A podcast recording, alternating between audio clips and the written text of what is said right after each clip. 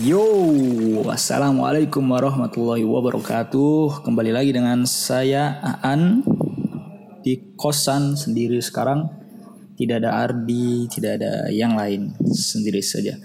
Oke ya, uh, hari ini saya coba mau cerita banyak terkait beberapa pengalaman yang pernah saya lalui dan asik tentunya menurut saya sih untuk dibagikan.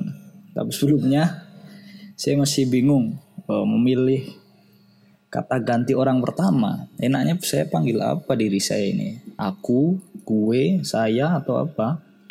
Itu masih bingung sebenarnya. Tapi ya terserah ya maupun itu yang penting kalian suka gitu aja. Oke okay?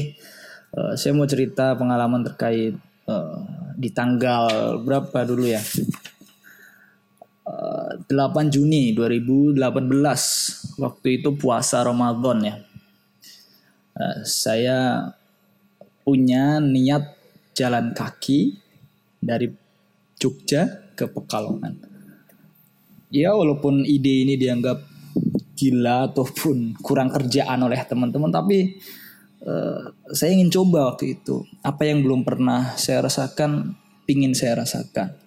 Naik motor dari Pekalongan, dari Jogja ke Pekalongan sudah pernah naik kereta sudah pernah bonceng sudah pernah travel sudah pernah uh, entah kenapa uh, waktu itu tiga bulan sebelum puasa itu kepikiran loh gimana rasanya kalau uh, jalan kaki nggak pakai kendaraan kita ya hidup aja di jalan sampai sampai di rumah itu rasanya gimana.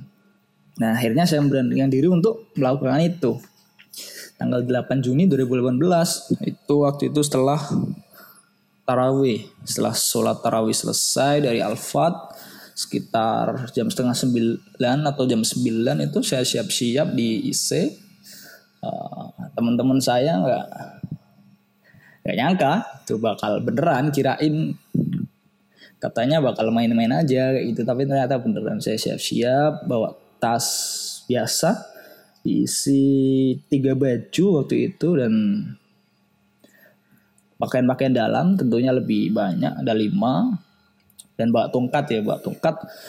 Saya waktu itu bawa HP kecil aja uh, Samsung Samsung apa ya yang ukurannya kecil nggak bu Samsung lama lah itu saya bawa. Dan bawa tongkat pramuka satu untuk jalan. Waktu itu saya pakai sepatu futsal ya karena belum punya sepatu running ataupun sepatu buat jogging gitu akhirnya saya pakai sepatu futsal. Tapi ya nggak apa-apa deh yang penting niatnya terlaksana oke. Saya berangkat tuh sambil bawa kertas tulisan Bismillah melaku tekan Pekalongan. Nah saya nekat aja deh. Gimana nanti ke depan? Ya udah amat deh saya jalan malam-malam jam 9 baru sampai di pertigaan keluar ring road itu ditemuin sama orang saya dari belakang tiba-tiba. Eh mas. Melaku tekan pekalongan beneran. Gitu. iya beneran mas saya bilang. Oh, wah mantap ya. Terus saya dikasih duit seratus ribu waktu itu. Katanya buat uh, bekal ya bekal. Saya sendiri bawa bekal waktu itu. Duit. Saya bawa duit tiga ratus ribu sama snack dan obat-obatan ya. Obat-obatan kayak uh, minyak urut, minyak putih, madu dan lain-lain. Karena niat saya sambil puasa di jalan waktu itu. Nah itu udah keluar sambil ring. Tiba-tiba saya ada yang telepon temen waktu itu uh, Setiawan sama Jewu sih telepon.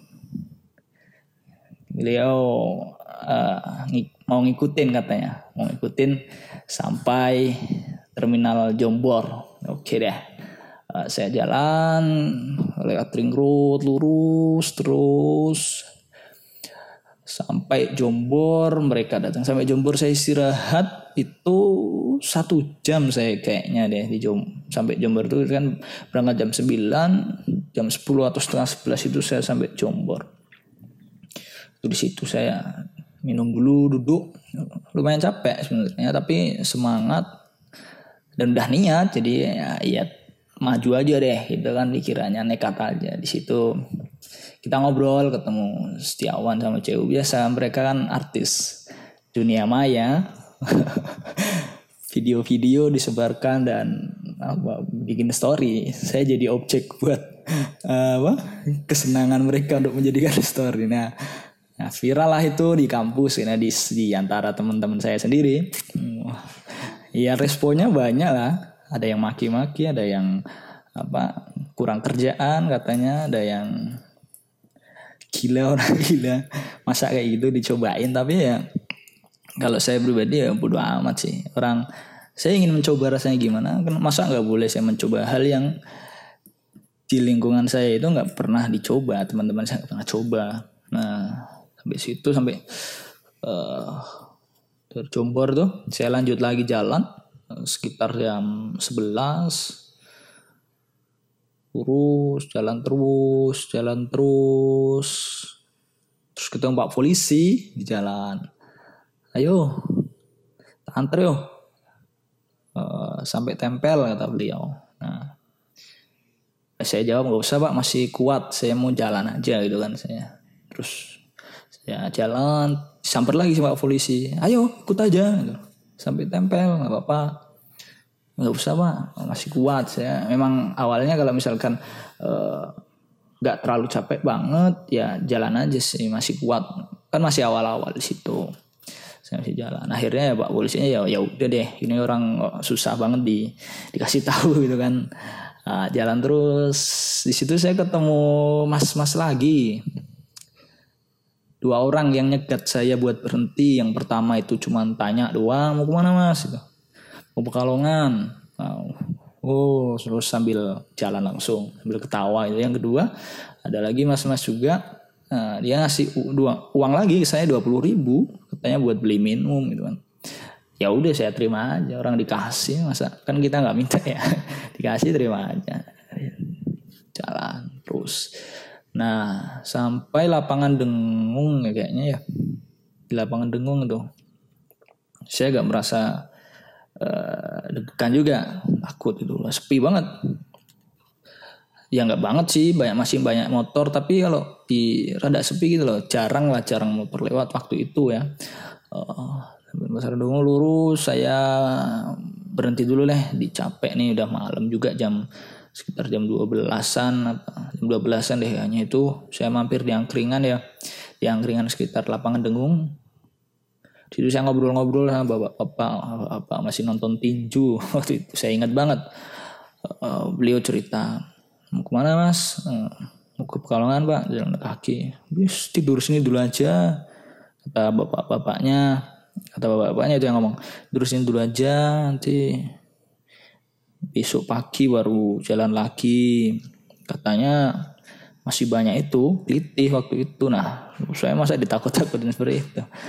Nah saya mikir-mikir sambil minum teh anget waktu itu kan. Nah ini jalan apa tidur di sini ya? Tapi kalau setelah saya hitung-hitung, kalau saya tidur di sini, buang waktu dan kepotong nanti jaraknya kan, jadi lebih lebih lama sampai rumah itu. Sedangkan di waktu itu mepet Lebaran, satu minggu sebelum Lebaran, nah, akhirnya ya Bismillah aja deh, berdoa nanti di jalan, Bismillah. Semoga aja nggak ada apa-apa. Ya udah akhirnya jalan lagi, cuman rehat sebentar, situ minum teh hangat, terus jalan lagi sampai pom bensin di jalan Magelang KM berapa saya lupa di situ ada pom bensin lurus setelah lapangan dengung sekitar 30 menit jalan kaki lah 30 menit atau satu jam jalan kaki. Di situ ketemu pom bensin. Nah udah jam satu. Saya memutuskan untuk tidur di situ. Tidur nanti sekalian sahur di situ. Kebetulan mbak roti dikasih roti sama Jewu dan ada kasih susu juga sama Jauh dan Adi Setiawan. Nah situ saya tidur buka puasa sholat subuh uh, jam 5 setelah subuh itu nah waktu tidur itu kaki terasa sakit banget men. Nggak tahu kenapa agak pegel gitu loh dan area wah, area selangkangan itu loh.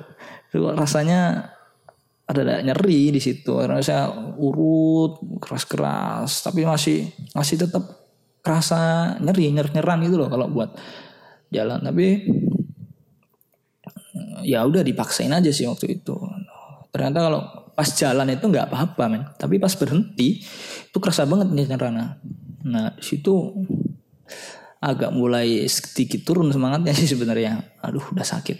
Tapi kembali lagi niat di awal. Wah saya belum pernah mencoba ini. Wah, itu doang niatnya. Terus jalan lagi. Nah dari itu dari pom bensin tuh tanggal 9 Juni ya jalan lagi targetnya sih eh, bisa sampai di ujung Magelang hari itu tanggal 9 Juni kan. Uh, awalnya saya ngira itu ah nggak terlalu jauh nih sampai keluar Magelang di sini. Tapi aduh setelah dilalui perjalanan itu selama tanggal 9 cukup banget men. Dan terik panas puasa lagi kan. Sampai akhirnya saya harus batalin puasa nanti di tengah perjalanan itu. Nah itu pagi-pagi saya jalan situ enak banget memang masih agak sepi jam 5 pagi ketemu bapak-bapak yang masih olahraga ketemu ibu-ibu yang jalan-jalan juga ngobrol-ngobrol di jalan enak. Sampai jam 8 atau jam 9 di masih di Jalan Magelang saya berhenti di masjid waktu itu.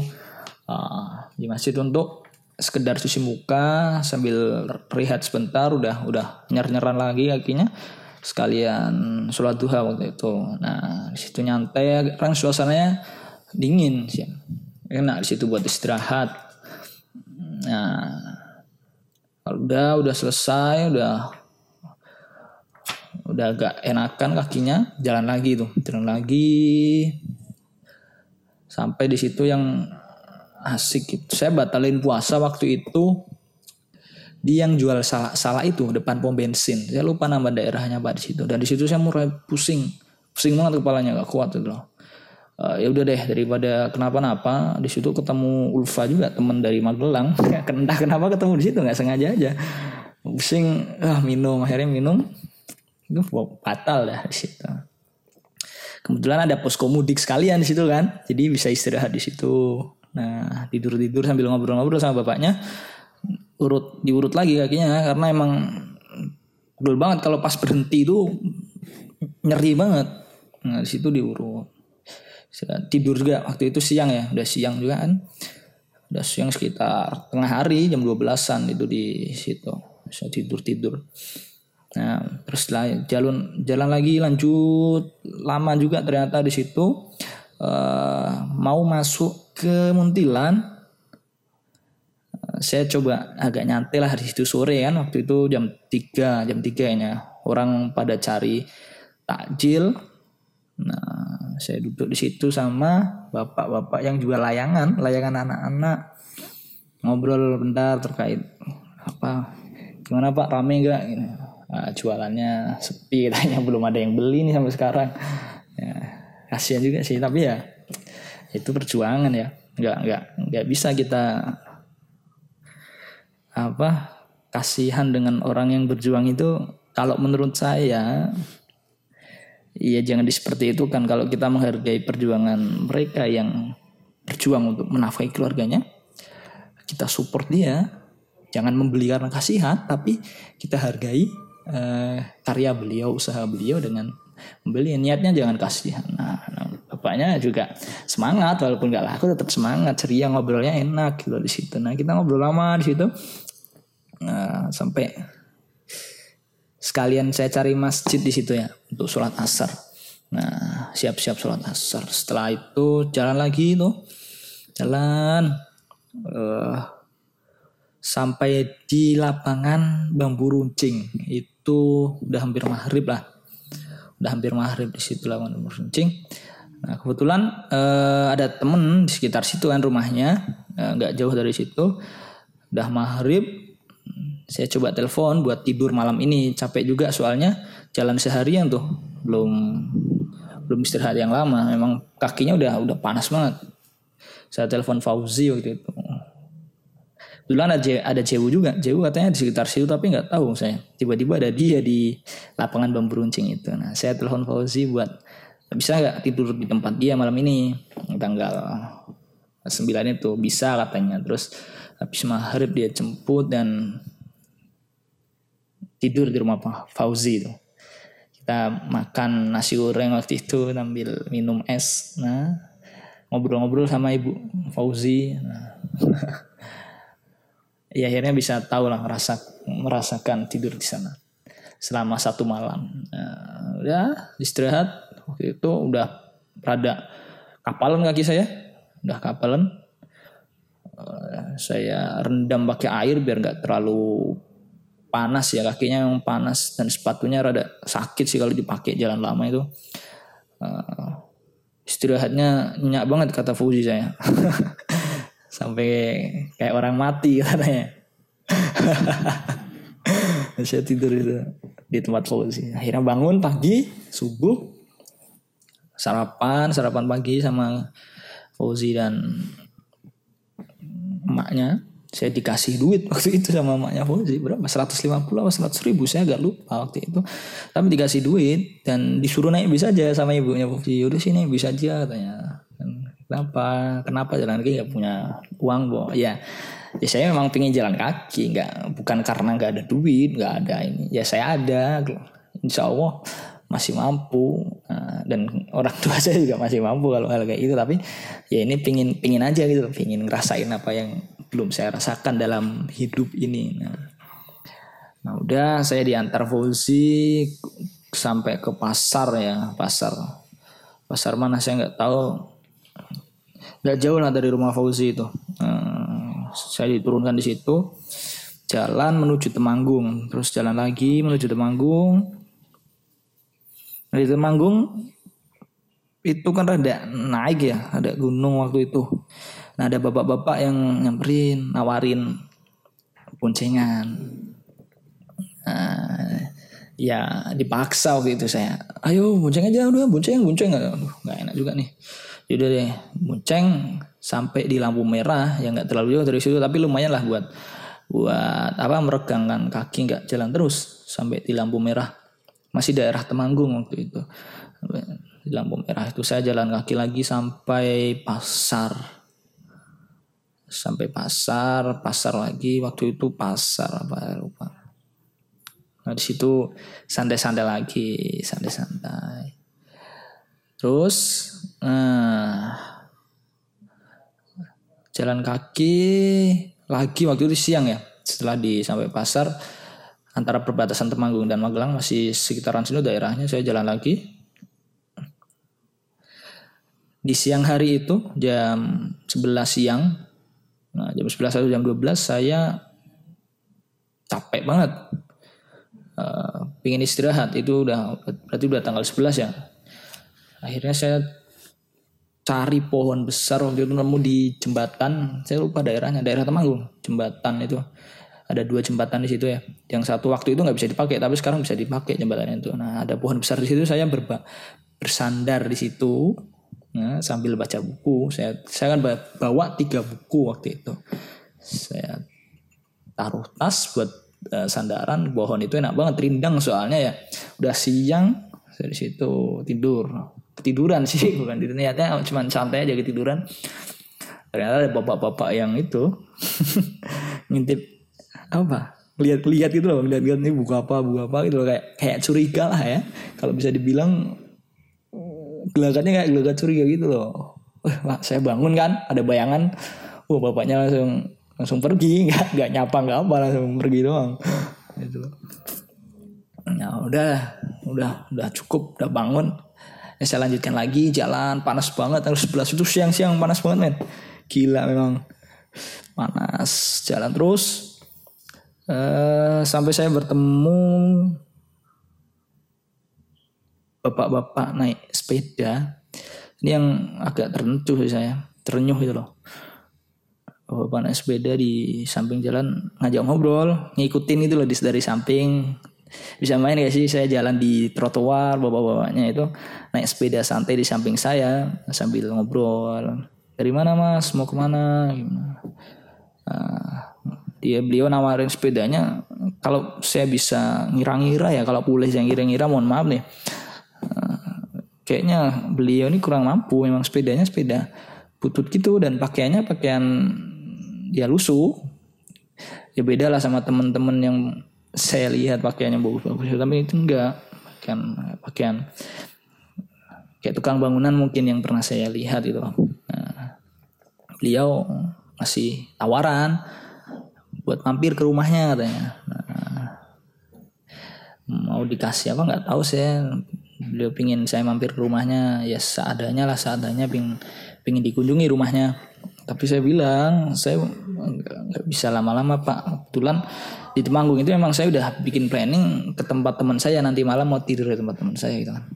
Nah ya udah kata bapaknya itu ya udah kalau nggak mau mampir terus saya dikasih duit lima ribu memang. Kecil sih memang kalau secara nominal. Tapi tapi apa ya ya menurut saya bapak itu kaya men hatinya gitu loh.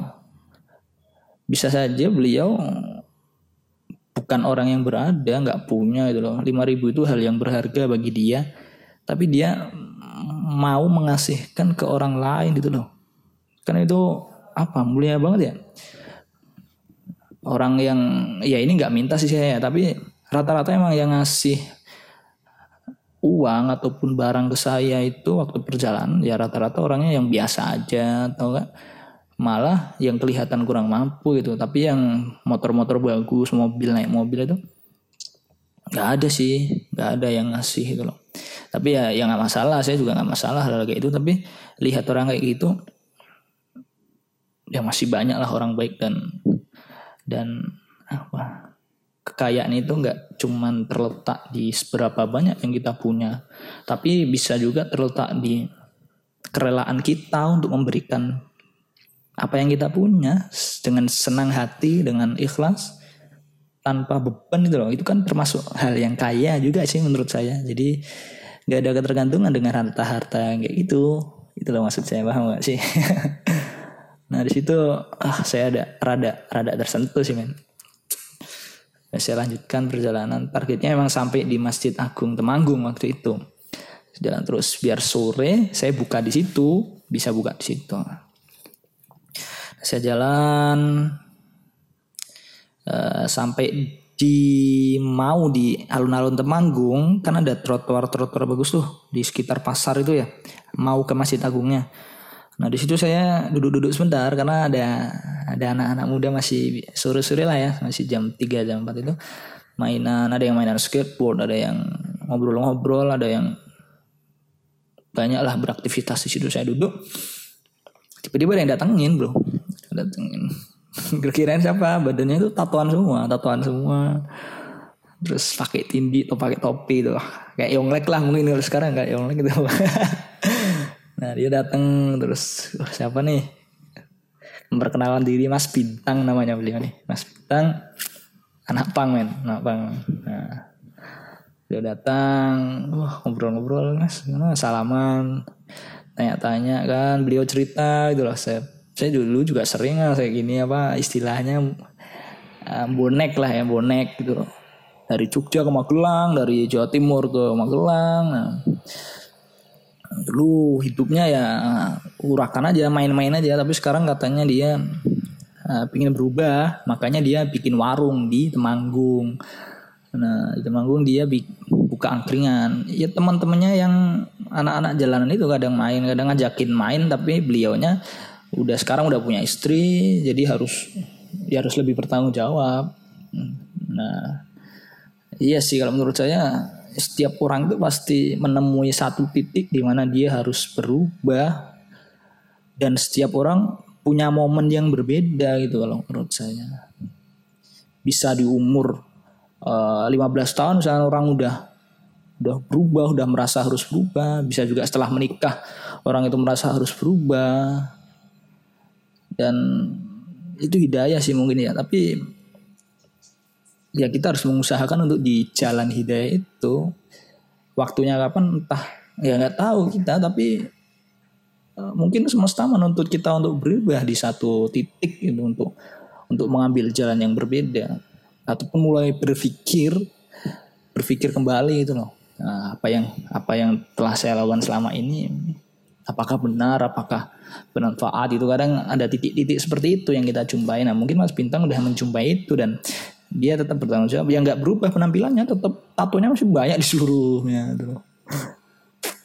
Nah beliau ngasih saya uh, The segan, iya kelapa muda. Yang ngasih saya dua bungkus kelapa muda. Sambil minta foto ngajakin foto. Ya, Mas Bintang, saya ingat banget beliau. Cerita banyak di Temanggung. Nah, udah udah mau hampir maghrib, deket juga kan di situ. Udah sampai uh, apa trotoar yang bagus di Temanggung itu deket alun-alun. Saya jalan kaki lagi. Nah, di masjid sampai di Masjid Agung Temanggung saya mandi, siap-siap mandi bersih. Jadi saya itu ada tiga pakaian, yang satu pakaian buat sholat, satu pakaian buat jalan kalau lagi jalan dan satu pakaian buat tidur gitu loh. Nah kalau jalan saya pakai pakaian yang kotor itu nggak masalah sih kan. Soalnya buat keringetan aja. Kalau sholat saya pakai pakaian sholat yang bersih yang wangi. Dan kalau misalnya tidur saya pakai pakaian tidur biar nyaman. Jadi tiga itu aja yang saya bawa. Nah, udah udah ganti baju. Akhirnya buka puasa waktu itu ya buat puasa di Masjid Agung Temanggung eh, sama warga sampai sholat isya di situ juga sholat isya sholat raweh di situ di Masjid Agung Temanggung saya sempat jalan-jalan malam juga di situ. Kebetulan teman saya si Alip nih yang katanya mau jemput Uh, buat tidur di tempatnya ini datangnya agak malam sekitar jam 10-an jadi saya punya waktu satu jam setelah sholat raweh itu satu jam satu setengah jam untuk jalan-jalan. Saya jalan-jalan sekitar alun-alun situ cobain apa jajanan-jajanan yang ada di situ. Ya enak-enak semua gak ada yang gak enak. Nah situ akhirnya Alif datang tuh Alif datang jam 10 jemput setengah 10 dia bukan sepuluh ya saya lupa lah jam-jam segitu. Jemput ternyata rumah dia di agak pelosok juga. Dingin banget men. Wakil memang rumahnya di Alif nih. Si Alif ini rumahnya di di sawah-sawah tapi rasanya dingin banget. Di situ makan coba tahu kan makan apa? Makan itu bro. Tahu. Yang ada kuah asamnya itu loh saya lupa namanya ya, makan itu. Itu rasa dingin men. Kuahnya jadi dingin nggak nggak anget lagi gila. Makan gorengan juga gorengannya jadi dingin. Daerah Temanggung tapi yang di di pelosok itu loh. Dan enak banget di situ sih. Nah ya ketemu sama bapaknya Ali bulan ibunya beliau juga ah, baru pulang dari Jakarta kan. Ya, juga ngobrol juga sama sedikit sama keluarganya beliau. Nah, di situ saya tidur enak. Tidur di situ rasanya gimana? Rasanya dingin dingin asli dan rumahnya sederhana sih. Di situ kayaknya banyak pondok pesantren juga daerah situ. Nah setelah selesai tidur pagi-pagi banget ya. Pagi-pagi banget. Ya nggak banget nih sorry nggak banget. Di situ saya sempat sarapan dulu soalnya. Sempat sarapan dan minum teh hangat dulu di situ. Uh, jam 7 kayaknya. Jam 7 saya diantar Ali buat keluar dari desa itu. Soalnya rada jauh ya di desa sama jalan raya itu jauh banget makanya harus diantar dulu nah sampai di jalan raya uh, di daerah mana ya? Mau ke arah ke Candi Roto waktu itu. Nah di jalan raya itu saya diturunkan uh, berarti tanggal berapa ya itu? Tanggal 11 tanggal 11 Juni saya turun di situ. Nah saya jalan lagi deh jalan lagi terus sampai pasar Candi Roto nah itu jam 9 dan jam 10 jam 10 hmm. saya coba cari masjid buat apa ngeregangin otot kaki karena itu jalannya udah mulai nanjak di daerah-daerah situ daerah Cenderoto tuh. Daerah Niki lah kalau kita sering naik motor istirahat di Niki ya daerah situ. Lurus lurusan situ udah mulai menanjak-nanjak jalannya jadi agak agak berat. Nah saya cari masjid di situ untuk istirahat dan sholat tahajud nah ketemu masjid di pasar di pasar Candiroto di situ. Wah santai tiba-tiba ada banyak anak-anak gitu loh dateng ngerubungin megang-megang buku-buku yang saya bawa terus tanya-tanya gitu. ya asik juga rasanya. Waktu itu saya belum ngajar ya belum ngajar. Sekarang kan uh, udah mulai ngajar anak-anak. Tapi waktu dulu ya saya males banget kalau ada anak-anak kecil yang ngerubungin itu pasti ya jahil lah mereka gangguin itu kan. Ya asik di situ. Oh iya tanggal tanggal 12 sorry sorry tanggal 12 nah, gitu. ternyata asik juga main-main sama anak-anak. Lucu mereka. Saya sholat duha mereka ngikutin sholat walaupun pada kelahi sendiri ada yang nangis terus emaknya datang itu kan ke masjid. Ternyata ibunya itu orang pekalongan juga dapat suami orang temanggung. Nah di situ. Ngobrol-ngobrol nah saya cerita maksud lah ya biar biar nggak dikira apa gitu loh. Marak-marak teroris jadi kadang-kadang dikira itu. Saya cerita dari pekalongan mau jalan kaki. Ya ya yes, respon orang-orang pasti kaget. Ngapain jalan kaki ya buat just for cari pengalaman aja gitu kan. Saya jelaskan gitu. Nah terus ada orang tua dari anak itu yang nawarin buat tinggal di homestaynya dulu. Dia punya homestay di sekitar situ Temanggung itu Nah saya nggak bisa lah habis tidur dari Alif masa saya istirahat lagi di homestay itu nanti lebaran nggak di rumah bisa-bisa kan. Nah kocak nanti. Itu udah tanggal 12 soalnya. Nah nggak bisa bu maaf gitu loh mau langsung jalan aja setelah ini akhirnya ya udah udah pamitan sama ibunya di situ di sekitar masjid sama adik-adiknya juga nah, gak tahu masih ingat apa nggak tapi saya masih ingat banget nah saya pamit jalan deh jalan lagi dari situ. Yang dari situ udah mulai berat banget men. Rasanya itu oh udah mikir kapan sampai kok nggak sampai-sampai nyampe nggak ya pas lebaran gitu loh. Saya itu sempat hubungi teman saya yang katanya mau pulang di hari itu. Nah tetapi ternyata dia udah sampai duluan di Pemalang teman saya di Pemalang katanya mau pulang. Aduh bisa nih berarti emang harus diselesaikan nih jalan kaki kan. Awalnya saya ngedon waktu setelah ketemu anak-anak dan lihat tanggal udah udah hampir lebaran. Pikir-pikir nyampe nggak ini masih jauh banget soalnya kan sampai ke Pekalongan. Duh, yaudah deh nekat aja jalan lagi, jalan terus. Titik terberat itu emang setelah di situ. Udah udah ngerasa ah, yang mending nyampe deh gitu aja. Tapi ada satu idealisme yang saya pegang itu saya gak boleh minta tumpangan itu titik. Tapi kalau ditawari ya masalah. Tapi yang jelas saya nggak mau nyegat-nyegat motor nyegat-nyegat hmm, tumpangan gitu biar biar dikasih tumpangan. Enggak biar natural aja. Niat saya buat jalan kaki dan ketika ada yang ngasih tumpangan atau ngasih pertolongan ya saya terima itu aja kan. Nah itu agak ringan karena memang pikiran saya waktu itu wah kapan sampai? Itu aja udah udah mulai lebar mau lebaran. Nah, akhirnya jalan kaki terus. Uh, sampai di mana saya agak lupa lokasinya. Sukorejo. Tapi agak jauh dengan alun-alun Sukorejo. Di situ saya ketemu sama anak muda naik motor cempreng preng preng preng preng itu loh.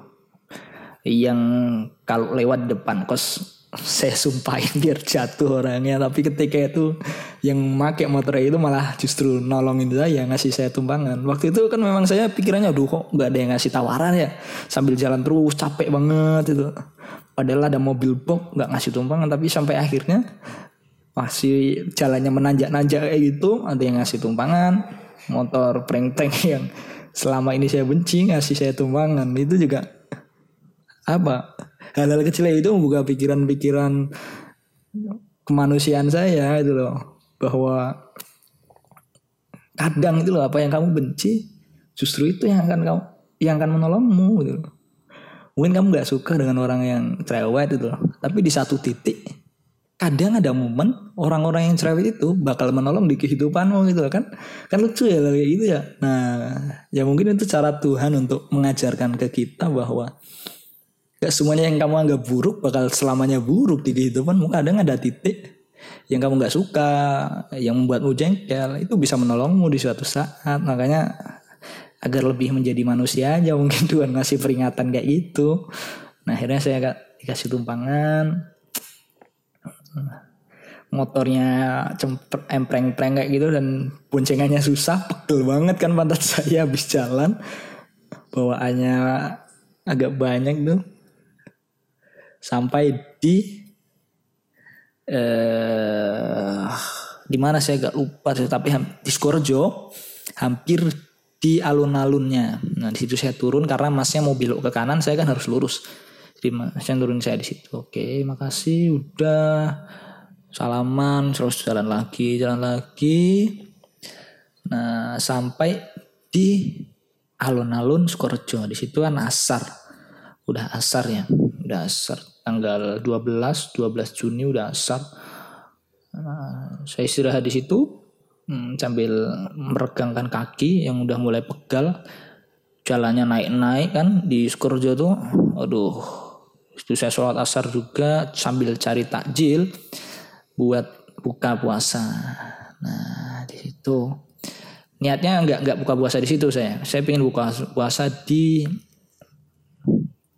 di mana daerah uh, Limpung ya saya ingin buka puasa di daerah Limpung itu saya sekitar sholat asar uh, terus sekitar jam 4 jam 4 setengah lima itu udah dapet saya beli kepala ayam sama ayam dua kepala sama dada waktu itu di alun-alun Sukorjo saya jalan lagi masuk ke Limpung.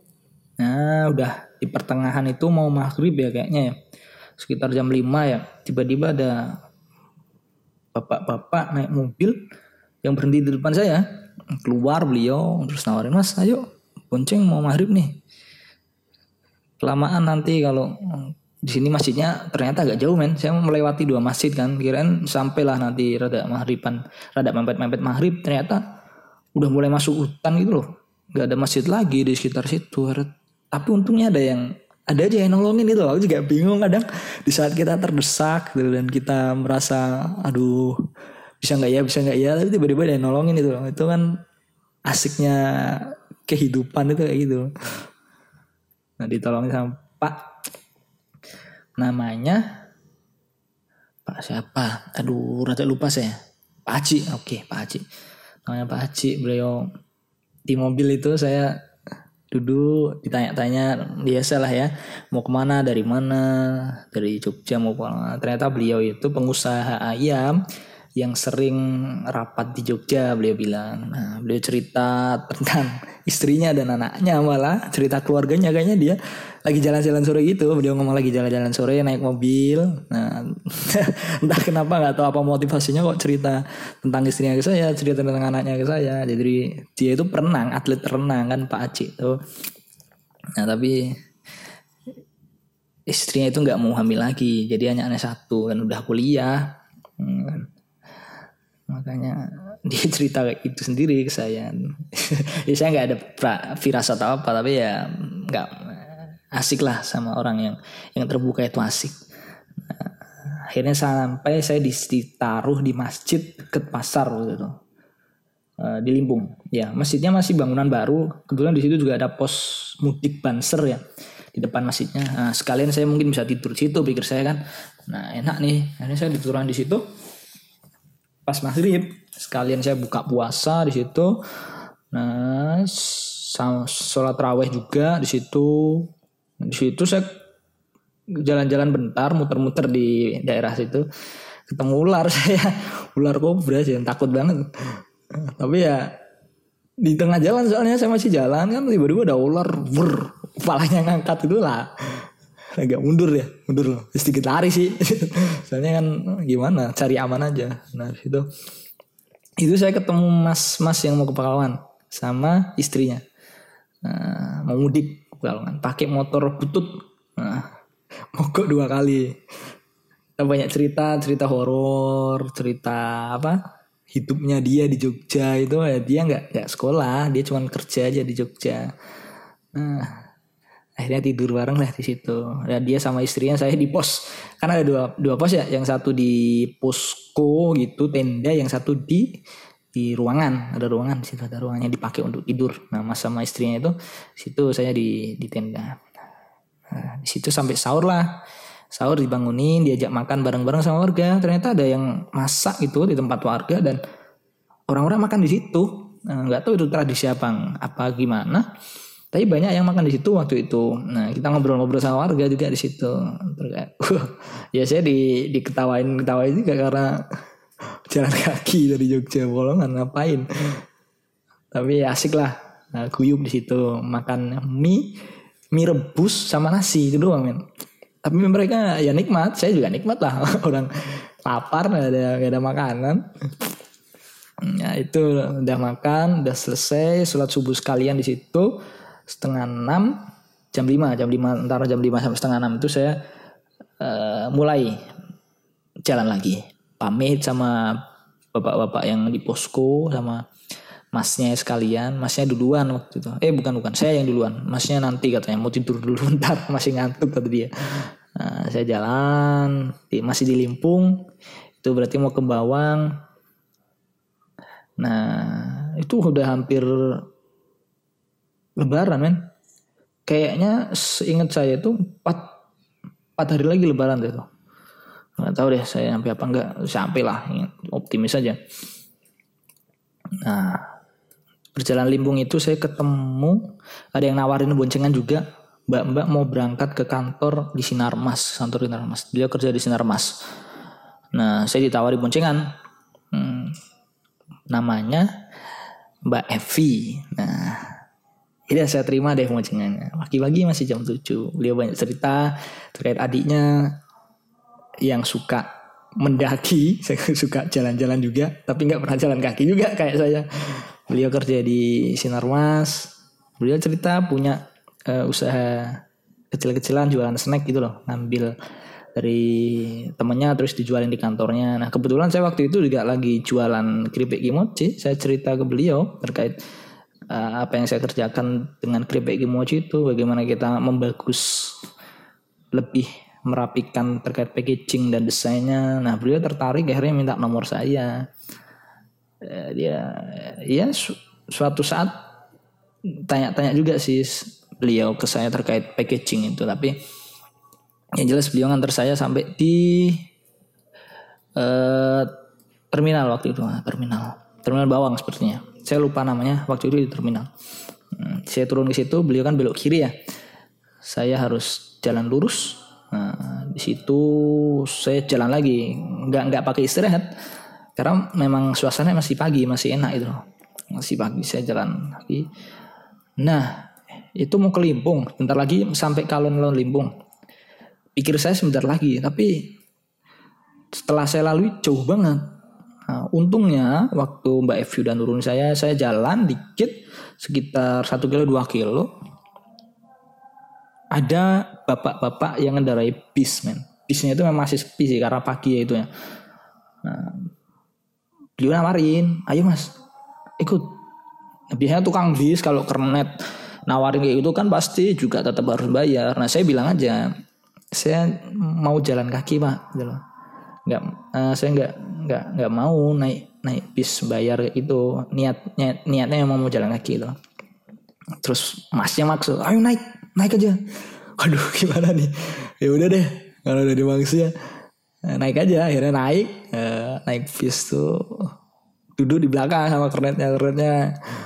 Ngobrol-ngobrol sama kernetnya kernetnya rada kasar sih omongannya. Saya juga kurang nyaman juga sebenarnya.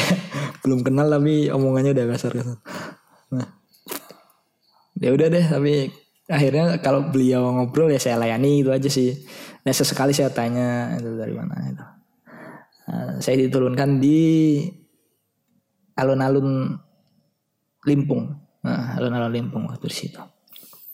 Nah, situ turun masih di alun-alun. Nah, bumung di alun-alun saya santai-santai dulu di alun-alun. Alun-alunnya kotor men di Limpung tuh. Waktu saya ke situ loh ya nggak tahu sekarang. Kotor banget, banyak sampah gitu. Kayaknya sih kalau kalau malam dijadikan pasar malam, soalnya sama-samanya banyak. Kayak bekas ada acara pasar malam gitu, pasar-pasar tapi belum dibersihin. Nah, saya duduk di situ sambil ngeliatin jalan raya, ada beberapa yang olahraga gitu.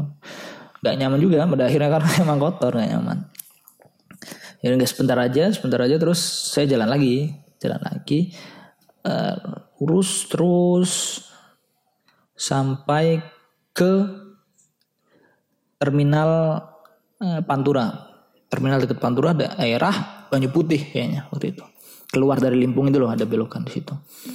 Nah, dua kilo dari situ sebelum dua kilo dua kilo sebelum dari terminal itu yang di Banyu Putih itu yang pertigaan mau ke Limpung itu saya uh, dikasih tumpangan tawaran sama uh, Mas Yogi iya Mas Yogi nah, saya dikasih tumpangan situ naik motor beliau. Nah, ya ya karena emang saya buru-buru harus sampai Hamin tiga. Kalau enggak ya susah nanti kalau di rumah nih kalau enggak rebaran di rumah itu kan. Nah, sama Shugi saya diboncengin sampai di terminal saya turun di situ di terminal terminal saya cari minum dulu buat buat minum lah. Nah, nggak puasa waktu itu saya. Nah, karena nggak kuat pengalaman waktu jalan di Magelang kemarin nggak berani saya puasa lagi. Nah setelah itu saya jalan jalan. Itu pantura men. Uh ya Allah panas banget sumpah. Sekitar jam 10-an itu. Udah udah udah kayaknya udah gak kuat waktu itu saya. Aduh gimana ya? Tahu sendiri kan jalan pantura itu lurus doang. Dan aspal semua banyak truk. Tapi alhamdulillahnya hati saya apa ngedumel-dumel kayak itu ada bapak-bapak yang kebetulan mau ke Pekalongan ngasih saya nawarin saya tumpangan. Awalnya saya tolak sih memang karena pikir saya ini udah sampai daerah Batang sebentar lagi Pekalongan. Kira-kira paling eh, sekitar 30 kilo lagi itu sampai Pekalongan. Saya awalnya nolak jalan terus bapaknya tapi ternyata dari belakang beliau ngamati nah udah agak jauh disamperin lagi disuruh bonceng aja katanya.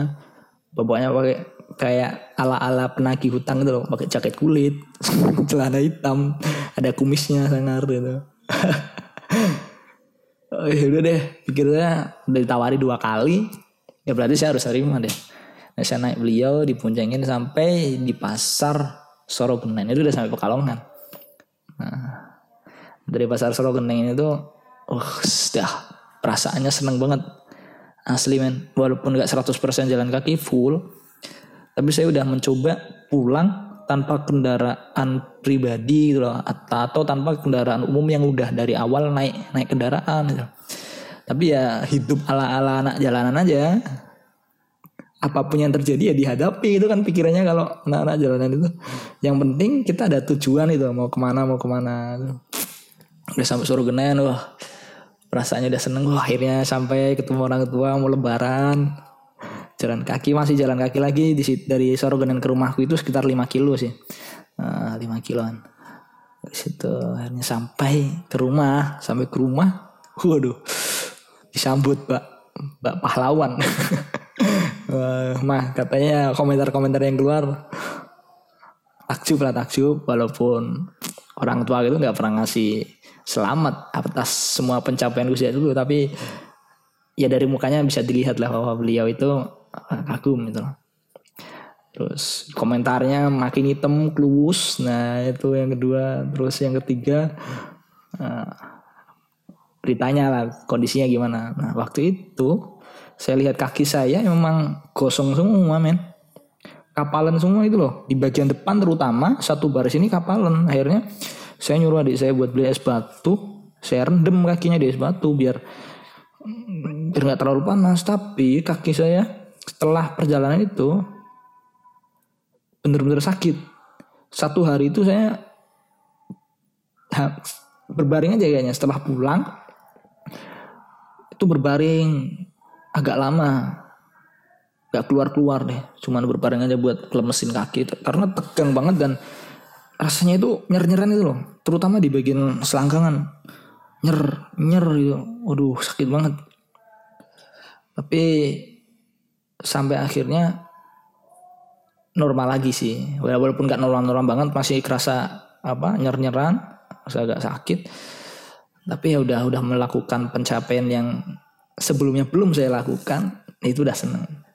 Sebenarnya eh, niat saya itu bukan berkompetisi dengan orang lain. Wah kamu belum pernah lakuin ini aku udah nih enggak kayak itu aku pengen jalan kaki dari Jogja Pekalongan itu yang pertama adalah niatnya ya untuk diri saya sendiri saya harus melampaui diri saya sendiri apa yang belum pernah saya lakukan suatu saat harus saya lakukan itu ternyata udah saya lakukan dan udah pernah saya merasakan itu. Yang kedua adalah ini saya ingin menyendiri. Nah selama perjalanan itu saya ingin menyendiri uh, lebih dekat dengan lingkungan di sekitar saya ketika saya jalan. Nah, karena kalau sendiri itu kan biasanya orang-orang itu lebih lebih tertarik untuk mendekat ke kita daripada kalau kita rame-rame itu loh bro. Paham gak sih? Nah itu kan asiknya sendiri itu kayak gitu jalan-jalan sendiri. Dan yang ketiga adalah uh, itu bro meditasi itu loh. Saya pingin meditasi tapi nggak nggak dalam bentuk diem di gua atau gimana tapi saya meditasi sambil jalan aja sambil jalan. Kan waktu pas jalan itu ya bro. Uh, banyak hal yang saya pikirkan sebenarnya terkait ketakutan-ketakutan saya, uh, apa yang pernah saya lakukan sebelumnya, terkait targetan-targetan saya ke depan itu semuanya ya karena jalan dan saya nggak bawa HP yang bagus, bawa HP Samsung kecil yang baterainya ngedrop, otomatis saya banyak mikir waktu jalan itu, banyak membayangkan hal-hal yang sudah pernah saya lakukan ataupun yang akan saya lakukan dan kondisi-kondisi sekitar yang saya lihat itu saya refleksikan ke diri saya gitu loh men. Nah, efeknya yang saya rasakan sekarang adalah dari hal itu saya jadi lebih terbuka pikirannya dan dan lebih bisa menghargai sebuah perbedaan dalam hal yang memang itu pilihan-pilihan hidup orang lain gitu loh men. Ya mungkin kita bisa ya dan wajib memang untuk mengajak orang lain tuh ke arah yang baik dan benar, ke arah yang yang benar sesuai agama ataupun keyakinan kita. Tapi kan kita nggak boleh maksa itu loh. Setiap orang dibekali pikirannya masing-masing. Tugas kita adalah menunjukkan ini loh benar, ini loh buktinya kayak gini, ini loh salah, ini loh kurang baik, itu ah.